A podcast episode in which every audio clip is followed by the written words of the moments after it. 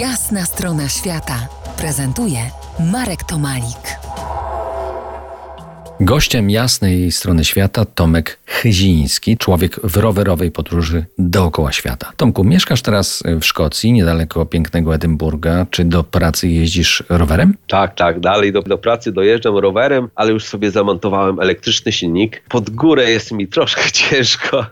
Tro, tro już upłynęło tak naprawdę 10 lat od momentu, jak zakończyłem tą podróż i tych sił jest troszeczkę mniej. Obiecaliśmy słuchaczom Indonezję, to teraz czas to spełnić. Z tego co co wiem, to twój ulubiony kraj na trasie rowerowej podróży dookoła świata, przynajmniej przez pięć kontynentów. Tak, w podróży dużo, dużo rządzi przypadek. Stało się tak, że y, miałem bardzo niefajną historię. Zaproponował mi nocleg pewien Indonezyjczyk, co powszechne było. Tam na każdym kroku ktoś mnie zapraszał na nocleg czy na posiłek i powiedział mi, że uważaj, bo moja łazienka jest bardzo śliska podłoga. I pamiętałem o tym wieczorem, a nie pamiętałem rano. I gdy rano wstałem, zrobiłem taki, byłem nierozgrzany, były te mięśnie i po prostu tak rozjechały mi się nogi prawdopodobnie naderwałem sobie przyczepy mięśni i przez to troszeczkę utknąłem na dłużej w Indonezji, ale łapałem podstawy tego języka. To spowodowało, że ta podróż była już całkiem inna. E, mogłem się trochę komunikować z tymi ludźmi. Indonezyjczycy są bardzo tacy ciepli, bardzo ciekawi obcokrajowców, szczególnie, że jeżeli ktoś leci, to leci na Bali, ale nie w inne miejsca raczej. Powiem, rozpieścili mnie, że jak wieczorem już byłem zmęczony, chciałem iść spać,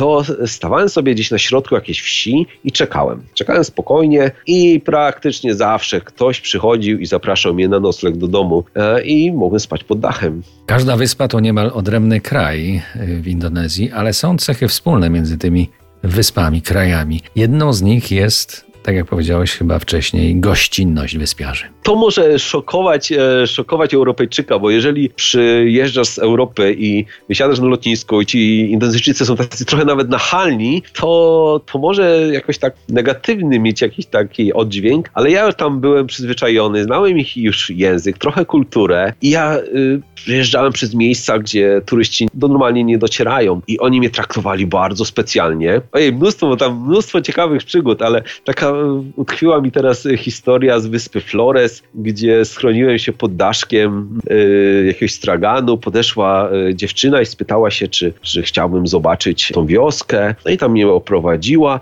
Potem spytała się, czy chciałem zobaczyć wielki dom. Dopiero potem zrozumiałem, że wielki dom to znaczy w największej tej chacie mieszka król, bo ciągle w tych mie miejscach Flores, wyspy Alor. Pamiętam, bardzo, pamiętam to ze swoich podróży także po, po wyspie Flores.